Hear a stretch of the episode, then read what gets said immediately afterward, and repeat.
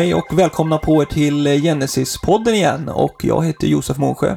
Och här pratar vi om eh, tro, vetenskap och skapelsevolution och grejer brukar det vara. Och nu är vi inne i en liten marknadsföringsserie inför våran årskonferens. 23 oktober är det. Och då kommer Peter Stenumgard vara med och han är med här idag med. Välkommen Peter! Tack så mycket! Vad trevligt! Du sitter ju på annan ort. Jag brukar alltid spela in via telefon, men eh, Linköping är det va, som du sitter i? Det stämmer.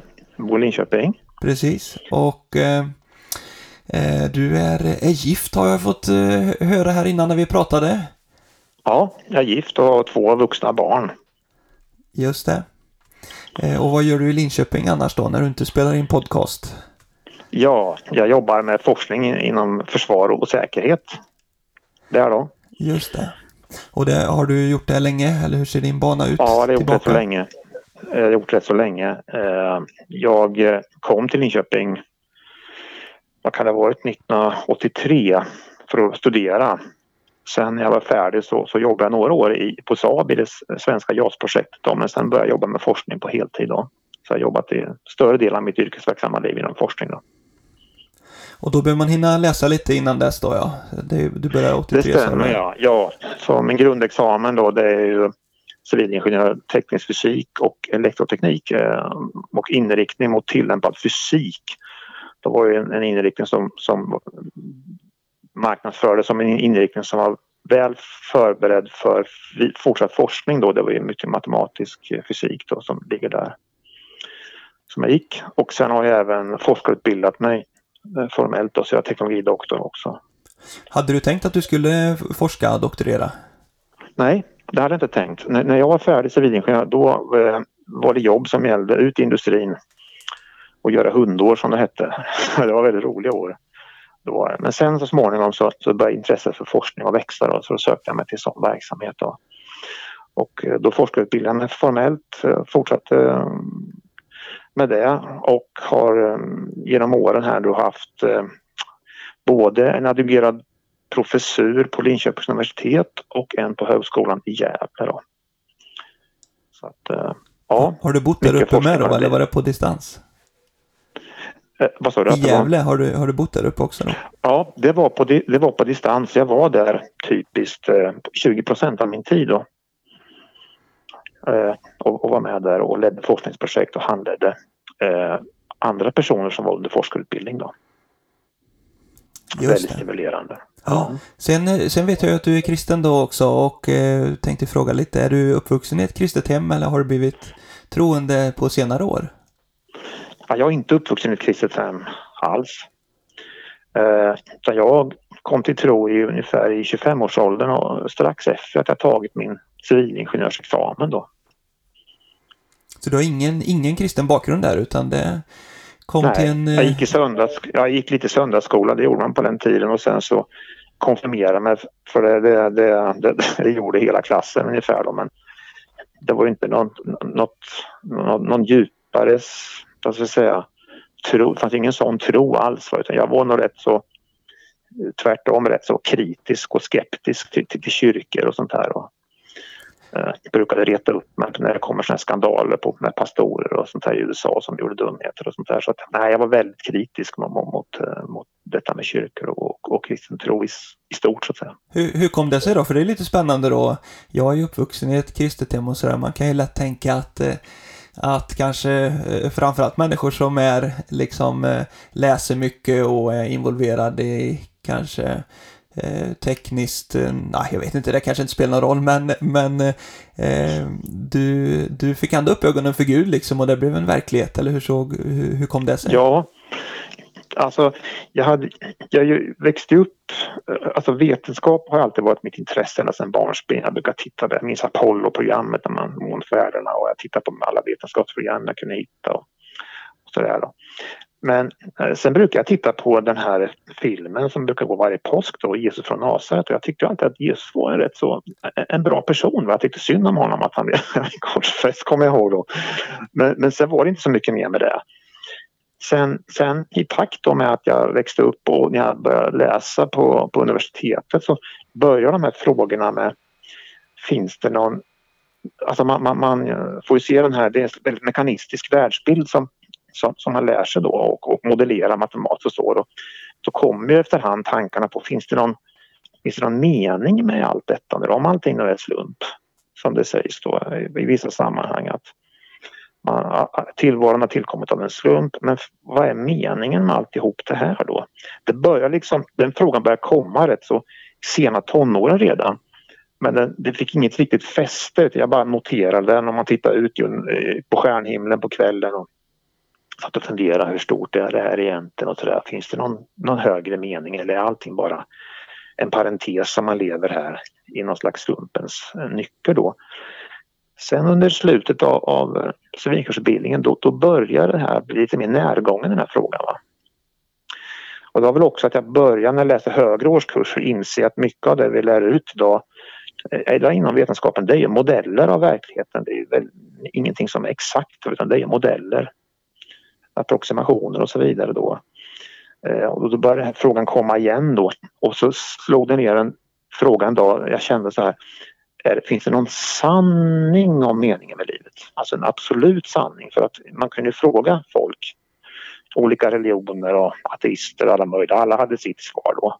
Och en del sa det som är sant för mig, det behöver inte vara sant för dig men då kommer den här frågan, finns det någon absolut sanning om meningen med tillvaron som finns där och existerar oavsett vad jag tycker om den sanningen?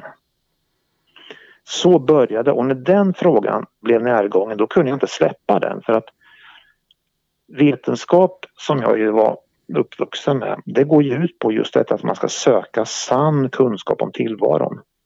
Alltid söka den oavsett vad man tycker om den sanna kunskapen som råkar uppenbara sig sen. Då. Då blir det samma sak här, finns det någon sann kunskap? Och då visste jag inte riktigt hur ska man göra, hur ska man få reda på det då? Men då, dök, då började frågan komma upp då eftersom vi ändå lever i ett, eh, i ett land där vi har en kristen tradition och så. Och jag hade ja, gått lite i söndagsskola och så och Bibeln kände jag till och så jag tänkte jag, jag får väl börja kolla då, kan det vara så att det finns någon sanning i kristen tro? Är Bibeln sann eller inte? Och då tänkte jag så här, det enklaste är att jag snabbt falsifierar Bibeln, visar att den är motsägelsefull och inte trovärdig, då kan jag släppa den. Det är alternativet i alla fall. Så det råkade bli det första jag gav mig på. Det. Jag skulle försöka visa, bevisa för mig själv att det kan inte vara sant. Och det där var ju lite e, e, e, ett, ett svårare jobb än vad jag hade trott från början. Eh, min, fru, min flickvän då som, som eh, sen blev min fru hon, eh, hon var uppvuxen i, i en frikyrka Eh, var då inte särskilt aktiv men hade kvar sin gamla bibel då så jag satte igång och jag bad henne ge mig lite svar på sådana klassiska frågor jag hade då. Så hon visade, letade fram lite ställen som hon kom ihåg då. Så visade det var inte så enkelt som jag trodde att bara falsifiera Bibeln då. Så jag satte igång och gräva vidare för jag kunde inte släppa det. Var, var det alla, alla möjliga områden i Bibeln då liksom? Eller var det just ja, kring det var, Jesus? Började, och... Ja, jag, jag började med de här klassiska. Hur kan eh, hur kan eh, världen se ut som den gör om Gud är allsmäktig och god? Varför slår han inte näven i bordet? Det. ja, ja. och så insåg jag, såg jag att det var inte så enkelt som jag trodde. Så gick jag vidare men sen började jag leta motsägelsefulla texter, texter som står emot varandra. Tyckte som vid en första ögonblick verkar säga emot varandra. Och så letar jag referenslitteratur, det här växte ju. Jag började ju ta, leta referenslitteratur och jag till och med skickade skriftliga frågor om, om första kapitlet i första Mosebok skickat till en, jud, till den judiska chefsrabbinen då i Sverige. Jag ville reda ut några grundtextord där, att det blir en väldigt arbetsam process där som du förstår då. Men hur som helst, så småningom börjar liksom jag inser, eller jag, min slutsats var att det här verkar ju vara sant. En obehaglig insikt. Jag hade ju hoppats att det här är bara ett snabb, snabbt avklarat så man kunde lägga det åt sidan. Det verkar vara sant va? Och Jesus verkar faktiskt vara den han sa att han var. Så det här blev en långsam process som så småningom en dag ledde till att jag drog slutsatsen nej det här är sant. Oavsett vad jag tycker om det här eller inte så är det sant. Va? Och det var på något sätt en avgörande punkt för mig. Då. Sen har det fortsatt, det här intresset som började då att, att forska i Bibeln. Det har ju följt mig sen som vuxen. Det är ju eh, ja, oerhört skatt att leta i. Fortfarande har jag kvar lite grann i bakhuvudet ibland om jag ser någonting som jag tycker verkar motsägelsefullt så gör jag en dubbelkoll igen då. Nu för så är jag övertygad, mer övertygad och lugn men det ligger kvar lite grann. Jag jobbar väldigt kritiskt förhållningssätt även då när det gäller bibeltexter och sånt. Fick du, fick du leta liksom svar och, och källtexter eller liksom på alla helt själv eller fanns det mycket bra eh, personer eller böcker att vända sig till eller blev det mycket att du letade på egen hand? Ja, liksom? det, det, var min flickvän då som är nuvarande fru. Hon, hon, hon, kände ju att det här var ju väldigt arbetsamt och, och, och knepigt efter en tid. Då.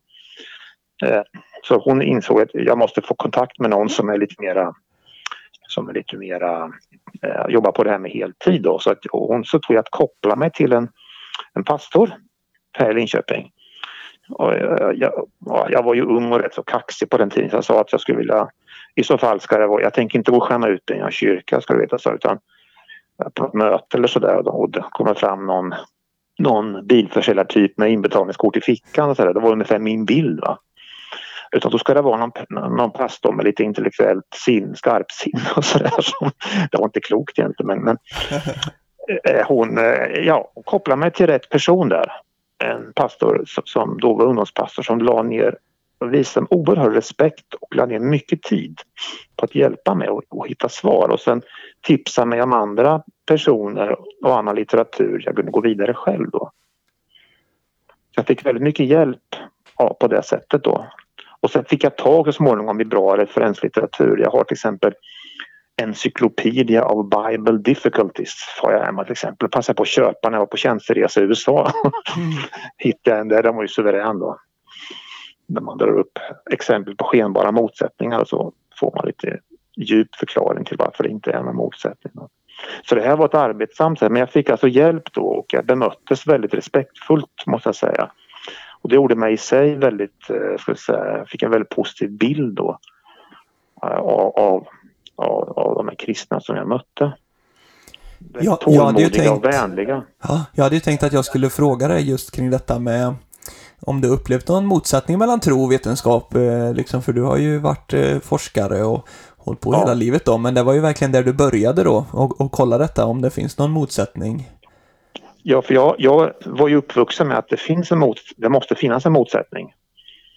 Eh, och det är den, den bilden som är väldigt vanlig i Sverige och den grundar sig egentligen mycket på vad jag har kunnat se i alla fall av Ingemar Hedenius som då på 50 och 60-talet bedrev en väldigt hård retorik mot kristen tro. Han menar liksom, han skrev den här boken Tro och vetande och bland annat. Eh, där han menar liksom att en intellektuellt ansvarstagande person kan inte samtidigt vara kristen. Och det har ju, fick ju väldigt stor påverkan i samhället det här, har jag förstått nu. Och det har bitit sig fast den där. För när jag träffar utländska kollegor och så, så, så märkte jag att det är inte alls konstigt att, att, att, att vara troende och samtidigt eh, jobba med forskning och vetenskap utan det är rätt så just den här skarpa motsättningen som vi har i Sverige på bred front den upplever jag som rätt unik faktiskt i världen på det sättet. Men det var ju den, det var den jag hade, det, här, det var mitt utgångsläge, att det fanns en kraftig motsättning här. Men så upptäckte jag då att nej, det här går faktiskt ihop sig och eh, ännu mer övertygande när jag fick se då att de inom vetenskapshistorien som har gjort väldigt stora avtryck i vetenskapen. De har samtidigt också varit troende, troende kristna. En lång rad, eh, lång rad eh, kändisar. Vi kan ta Galileo Galilei, Michael Faraday, eh, James, James Maxwell, Blaise Pascal. Alltså man kan göra en jättelista på de här. Eh, och flera av dem har till och med haft en tjänst vid sidan av där de har jobbat aktivt eh, i, i något kloster eller med undervisning om kristen tro. Och det här blev ju för mig då ett uppvaknande att jösses, det är liksom eh, det är inte alls ovanligt att man kan vara framstående forskare och bidra till att vår världsbild förändras och samtidigt vara kristen. Och det ledde till att jag så småningom skrev den här boken Vetenskap och tro då, som, som, som för ett, an, ett antal år sedan. Då. Precis, för om vi hoppar vidare till det som du ska föreläsa om på våran årskonferens i Genesis så mm. handlar det lite om eh, vetenskapens begränsningar och, och, du har ju skrivit en, eh, en bok för några år sedan som eh, eh, sysslar med det här ämnet då. Och det kanske den här boken mm. som du nämnde, Tro vetenskap, vetenskap också gjorde. Men eh, ja, eh, Illusionen var... om vetenskapen heter den eh, senaste där, eller, eller den eh, andra boken i alla fall som du skrev va? Mm. Men vad, vad, är detta för tema då? Är det, är det någonting som har intresserat dig länge då eller har det dykt upp med åren? Och... Ja, alltså det började redan under min grundutbildning. Jag började inse att mycket av de modeller som de vetenskapliga modeller vi har det är teoretiska bygg, bygg, byggverk vi har. Eh, och som ofta har, som inte är exakta när det att beskriva verkligheten. Sen så småningom när jag började forskarutbilda mig då började jag läsa vetenskapsteori. Alltså. Det handlar om att man lär sig vad är vetenskapliga metoder, vad finns det för begränsningar och styrkor hos dem. Och där smulas ju hela den här ideala bilden av vetenskapen, den smulas ju sönder i den kursen, i sådana kurser.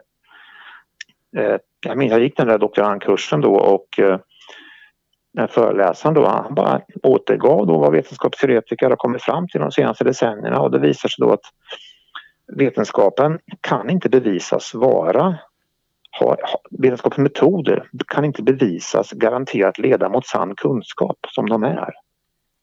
Och det här väckte ju ett stor eh, vad ska vi säga, förvåning bland oss elever.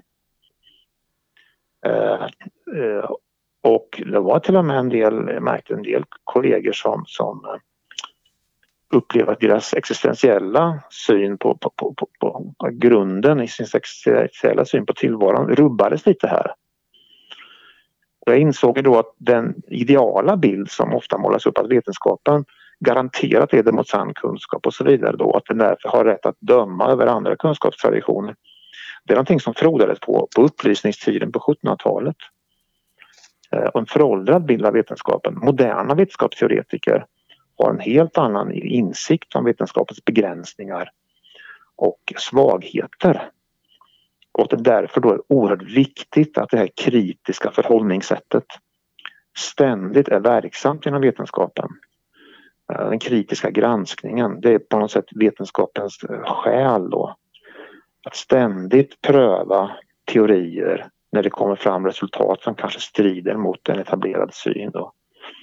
Och samtidigt vetenskapsteorin har sett liksom då att historien att det är ofta väldigt trögt att förändra teorier för det dyker ofta upp eh, avvikande observationer mot, mot teorier som finns. Men det kan ta väldigt lång tid innan de får slå igenom. Eh, medicinområdet brukar väl ofta anses som ett område som där, ska säga, sanningar inom citationstecken då har en väldigt kort halveringstid för där kan ju nya behandlingsrön och sånt här bytas ut väldigt snabbt. Och allt är då vetenskapligt undersökt då.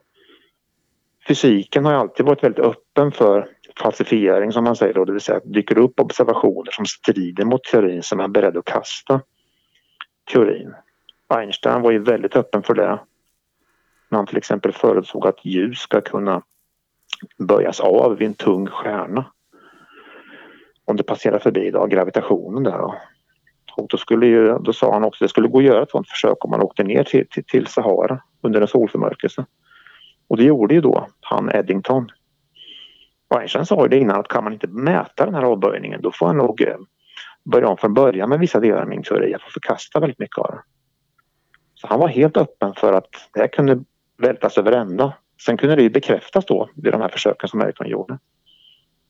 När man skulle leta Higgspartikeln till exempel för några år sedan nere i CERN så sa man ju också kan vi inte hitta Higgspartikeln nu då kanske vi får kasta hela standardmodellen som vi har idag och börja om. Eh, och det var helt naturligt, det fanns ingen prestige i det. Men, men skiljer sig mycket menar du då på hur, hur samhället eller media framställer vetenskap jämfört med hur man ser på det i forskarbranschen? Oh ja. Oh ja. någon, det är väldigt lätt att man hänvisar till det här är vetenskapligt, alltså ska vi inte ifrågasätta det här. Det är en väldigt vanlig, det, det, då, då är det så att säga oantastlig kunskap. Och det är helt i strid med vad vetenskapens, alltså vetenskapsteoretikerna och vetenskapens själ egentligen bygger på. Det bygger på att vetenskap, ja, en rådande teori kan mycket väl eh, visa sig så småningom att den, den var inte riktigt så sann som vi trodde, det kommer något nytt istället. Och om man då slår sig till ro och liksom börjar visa sig ovillig till den här ständiga kritiska granskningen som ju är vetenskapens själ, då börjar man glida bort ifrån vetenskapens grund. Vetenskapens grund är alltid det kritiska förhållningssättet. Eh, och det är det som är vetenskapens drivkraft framåt, att vi ständigt är beredda att ompröva och pröva allting hela tiden. Även våra egna resultat och slutsatser. Det är, det är ju rätt så lätt att det kanske ofta är mer trivsamt att kritisera och granska andras uppfattningar och, och, och resultat och slutsatser. Men det är ofta kanske lite jobbigare att själv vara lika öppen för att bli granskad på det här sättet. Då. Kanske särskilt om man har arbetat med ett område och en viss teori under kanske ett yrkesliv nästan. Då kanske man inte är så villig. Ja, för, för du, sa ju det, du sa ju här att Einstein eh, ändå lät som han var väldigt öppen för att eh, ja. hans eh, kritik, men det, det, kan ju inte vara så för alla. Det måste ju vara jobbigt om, om ens etablerade saker slås, slås omkull liksom. Det man har jobbat oh ja. med. Det är ju liksom, säg att man är en professor då som har byggt upp sin karriär på en viss syn och en viss teori och även handlett doktorander i samma som börjar så att säga visa sig att nej, det här kanske inte riktigt det stämmer. Det är inte särskilt roligt och det finns ju exempel i vetenskapshistorien där det i princip har krävts att de som står för det rådande paradigmet i princip måste, måste eh, gå bort, alltså dö för att den nya teorin ska kunna eh, komma fram då. Ett klassiskt exempel är ju att den är syreteorin kontra flogistonteorin då. Förr trodde man att flogiston bildades när någonting brann eller förbrändes. Eh, och sen kommer syreteoretikerna mena att syre förbrukas istället. Syre förbrukas. Flogiston det var sådana ämne som man bara antog fanns då. Är, är flogiston alltså, är det någonting som inte man pratar, det finns inte längre, det är ingen som tänker det eller vad är det för nej, något? Nej, nej, men då ansåg man att ett ämne som heter flogiston bildas. Och så har de här teoribyggen då förklarat då Eh, eh, ja, ett slags modell runt detta då. Men sen kommer syreteoretikerna och sa nej, det är inte så att någonting bildas, det är snarare så att syre förbrukas. Och de visade med olika experimentella resultat att så här var det. Men de här flogistonteoretikerna, de höll emot. Och det var först när de dog som den nya syreteorin kunde slå igenom fullt ut då. Eh, och det är det här, här kommer det här med paradigm in då som, som vetenskapsteoretikern Thomas Kuhn har, har jobbat mycket med. Då att forskning ofta bedrivs i paradigm som man säger en sorts mall, ett sorts mönster eh, där man har en viss gemensam uppfattning och forskar på gemensamma problem. Och sen när det dyker upp resultat som avviker från de här rådande uppfattningarna så tar det ofta väldigt lång tid innan de får slås igenom av, av rent kanske mänskliga orsaker. Då. Är, är alla så. forskningsgrenar så är de lika öppna för kritiskt tänkande eller vad man ska säga då? Eller tror du att det skiljer sig en del mellan eh, olika områden? Ja, min personliga bild är att, att det verkar, alltså fysikområdet och medicin tycker jag verkar vara nästan som att de tycker det är ett normalläge. Att, att det kan plötsligt kastas över ända och det är inget konstigt med det eller prestigefyllt på samma sätt. Sen finns det andra områden som där jag får en känsla av att man kanske mer inriktar på att försvara ett paradigm in i, väldigt länge och, och inte ens vill så föra en kritisk diskussion då. Det finns ett sånt där exempel som jag vet som vi har pratat om i Genesis lite. Då är det mm. med eh, bland annat då eh, apmänniskor, Astrid och Pitticus, någon variant, jag kan inte riktigt det där va, men Donald Johansson och, och Richard Leakey eller sånt där, två stycken eh, paleontologer där. Och eh, mm. de hade ju någon riktigt stor strid som de pratar väl inte med varandra på 20 eller 30 år eller något sånt där och då är de ju toppforskare inom eh, området. Eh, ja. Och det känns ju väldigt tragiskt med, med sådana bitar då, men det, det, kan ju vara enskilda personer också, men eh, det skiljer sig en del jo. kanske då givetvis i, i hur eh, öppen man är för att eh, revidera och, eh, och så vidare. Det tror jag.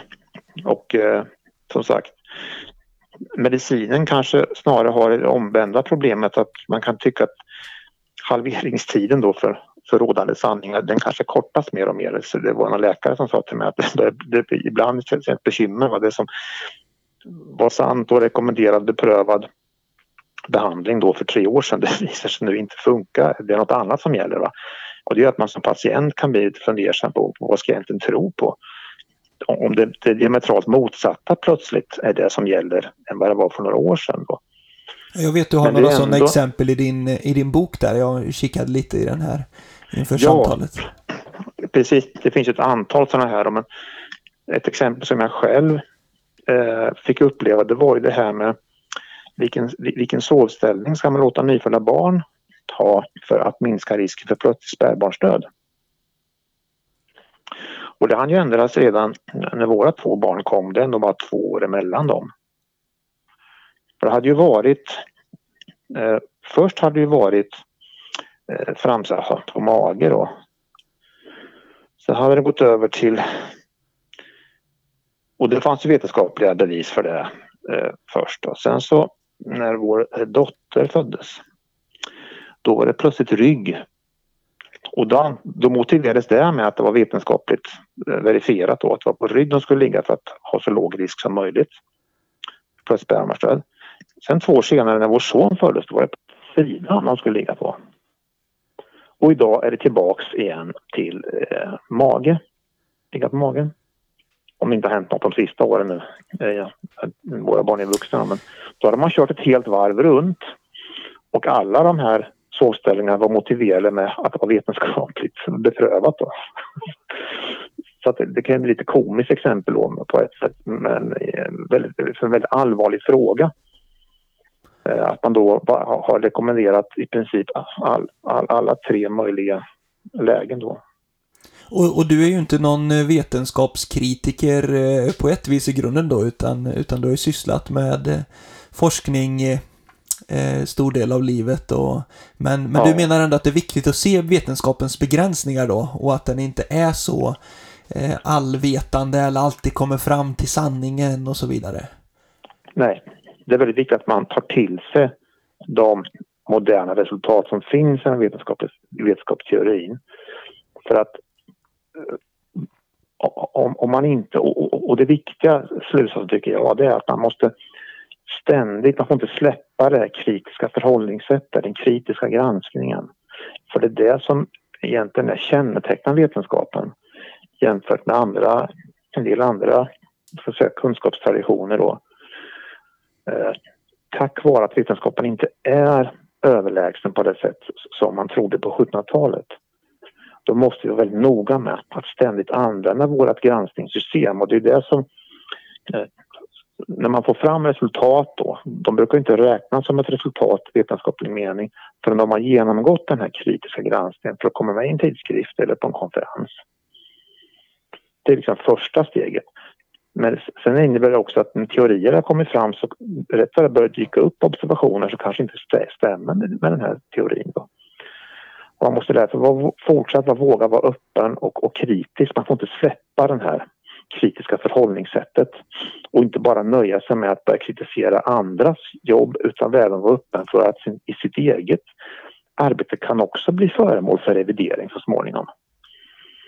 Det är det jag tror är den stora utmaningen för många och rent mänskligt också. Det visar ju, modern psykologi har ju visat också att vi människor är ju inte så vad ska jag säga, faktabaserade som vi kanske vill hävda när det gäller hur vi tar beslut och sådär. Eh, Åsa Wikfors eh, eh, eh, tycker jag har skrivit intressant och sammanställt mycket av de här resultaten.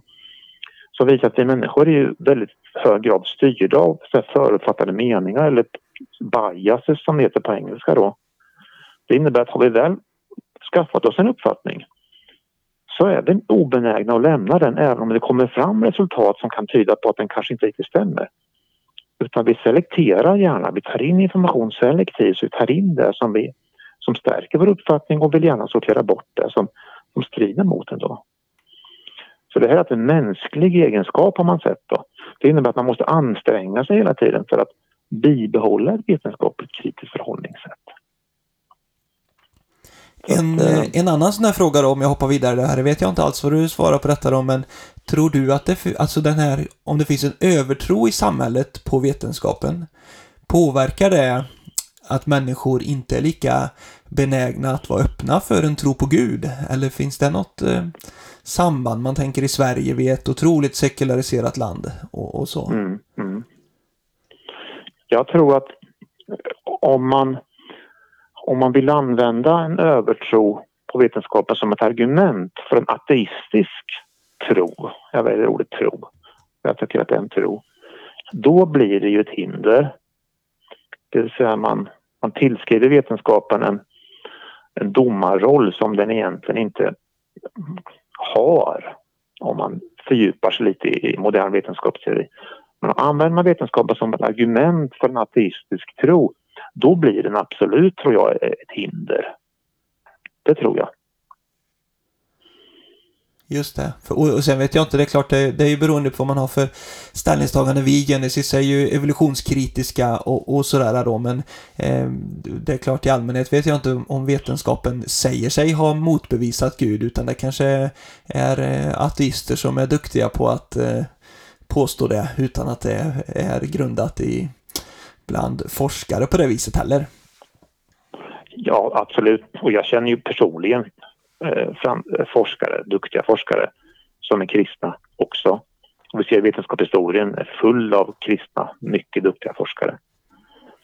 Så att... Eh, Precis, men i Sverige idag ju... så, så, får man ju lätt uppfattningen av att, eh, att eh, ja, men vetenskapen har bevisat att Gud inte att ja. Gud inte finns eller att Gud inte behövs och, och sådär. Eh, det är ja. väl den allmänt rådande tanken i samhället.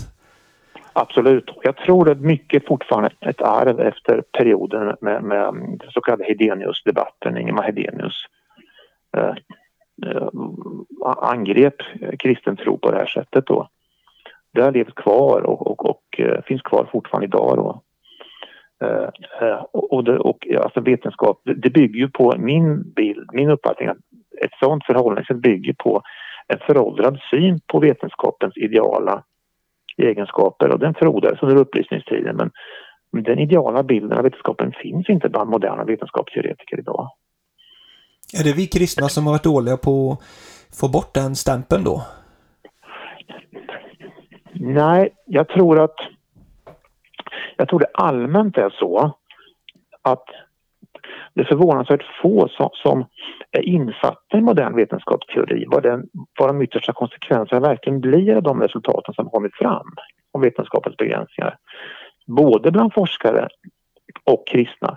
Jag tror en allmän okunskap om modern vetenskapsteori som, eh, som vi har och som leder till kristna då kan ju känna då att om någon kommer och använder vetenskapen som argument mot deras tro, mot Guds existens. Om man då uppfattar vetenskapen som en högsta auktoritet i någon mening då så är det ju svårt att, att värja sig i ett sånt i sammanhang då. Men då bygger det på att även den kristna då, eller om det är någon annan religion, eh, men, eh, att den kristna då också uppfattar vetenskapen som väldigt ideal och eh, att, högsta auktoritet i alla sammanhang. Då.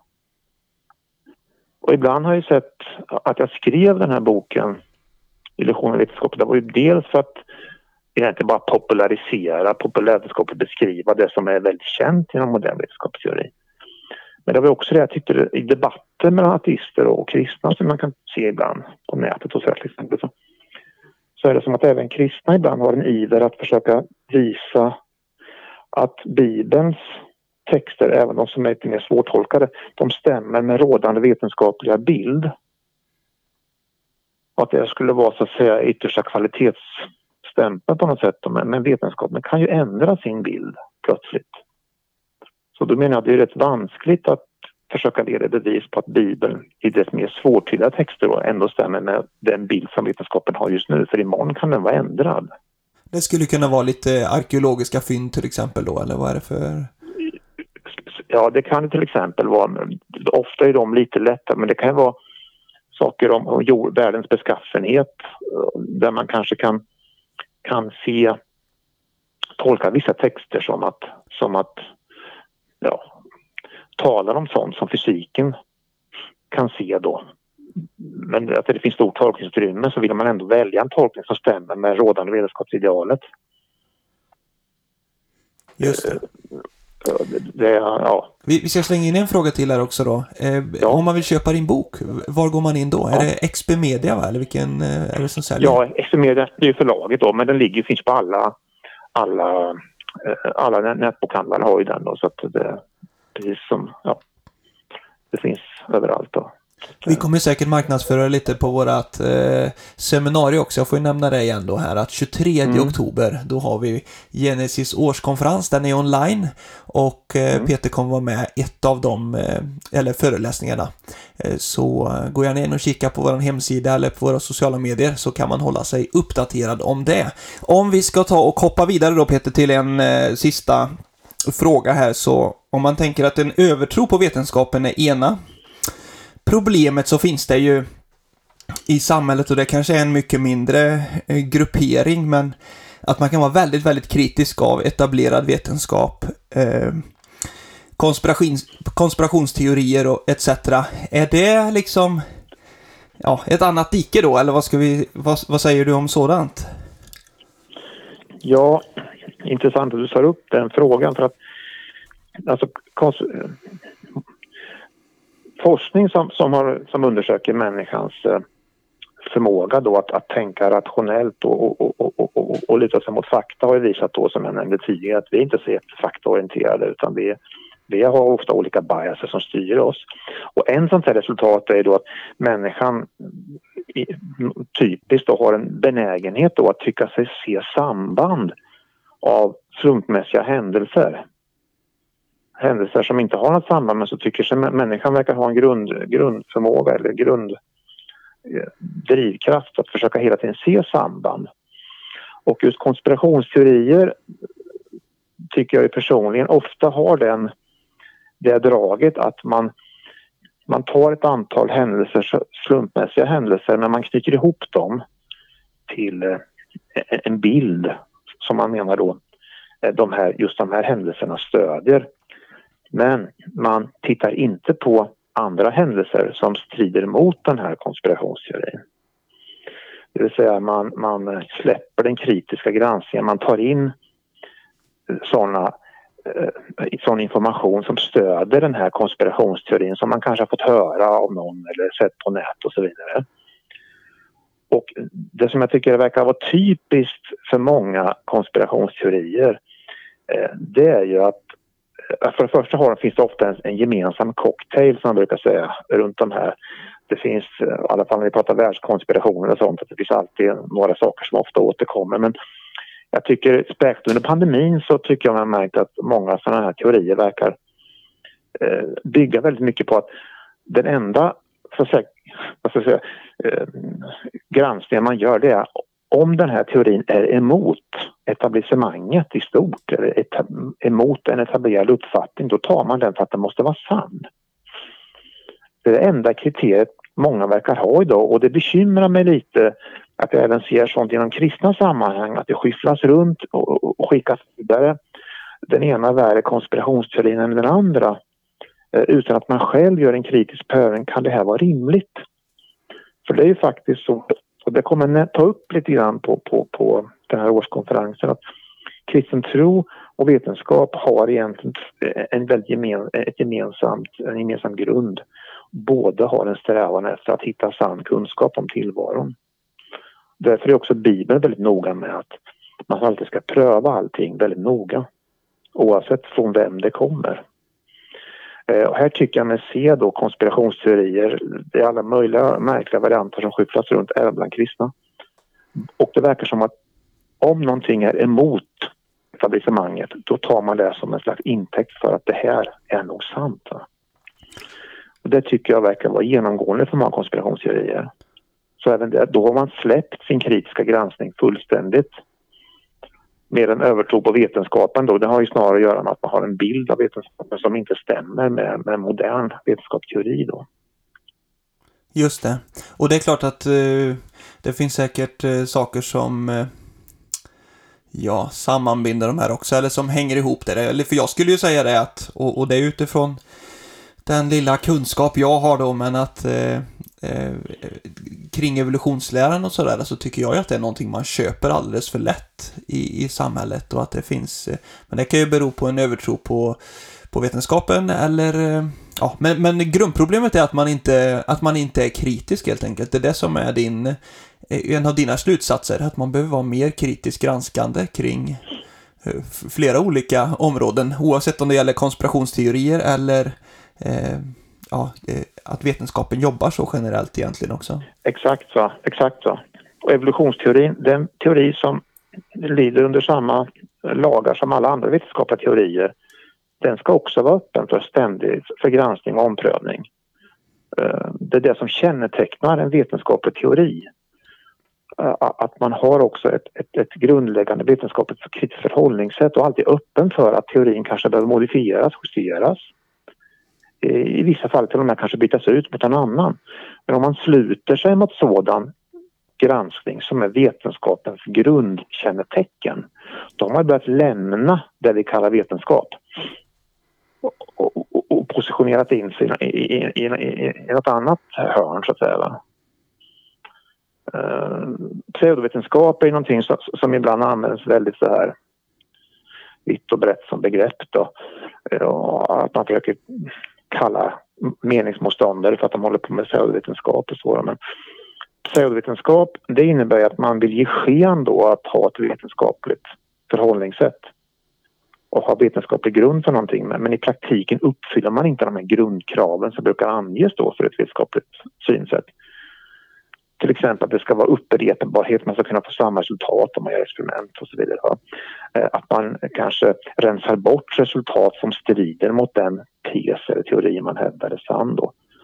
Men här ingår ju även detta med att ständigt vara öppen för kritisk prövning. Och det gäller, det gäller allt vetenskapligt arbete så bör man värja sig mot sån granskning då menar jag att då har man ju börjat lämna det vetenskapliga idealet bakom sig tycker jag. Och med det får vi ta och gå in för eh, landning då, men du, du kan ju få en möjlighet till om du vill eh, tillägga något, eller, eller är du nöjd med det som har sagts? Nej, jag tycker eh, jag är nöjd och jag, kommer, jag kan bara säga kort på, på årskonferensen kommer jag belysa detta med vikten av, av kritisk eh, granskning inom vetenskapen och även då vikten av kritisk granskning eh, inom kristen tro. Att den är oerhört viktig också. Jag ser nämligen, det finns gemensamma drag mellan vetenskap och kristen tro och den, den kritiska prövningen är någonting som, som finns som en gemensam bärande eh, punkt. Då. Bibeln är väldigt noga med detta med kritisk prövning. Och jag tror det behöver lyftas upp Eh, med kritiska prövningar inom kristenheten också. Särskilt under pandemin tycker jag sett mycket konstigheter som har kommit från kristna sammanhang som, som man behöver vara lite mer vaksam på. Då. Så att eh, vi behöver alla vara lite mer kanske måna om det kritiska förhållningssättet tror jag. Det tänkte jag försöka breda, prata lite om på, på årskonferensen. Tack så mycket. Och med det så eh, tackar jag dig Peter Stenemgard för den här intervjun och eh, alla som har lyssnat får vi säga tack till och var gärna med och sprid våran eh, podd. Den finns ju lite överallt på iTunes och Youtube och Spotify och så vidare. Och man kan även skicka in mail om man har någon fråga eller kommentar till oss så gör man det till podden genesis.nu. Podden med två D. Tack så mycket Peter. Tack själv Josef. Ha det bra med er allihopa. Hej då på er.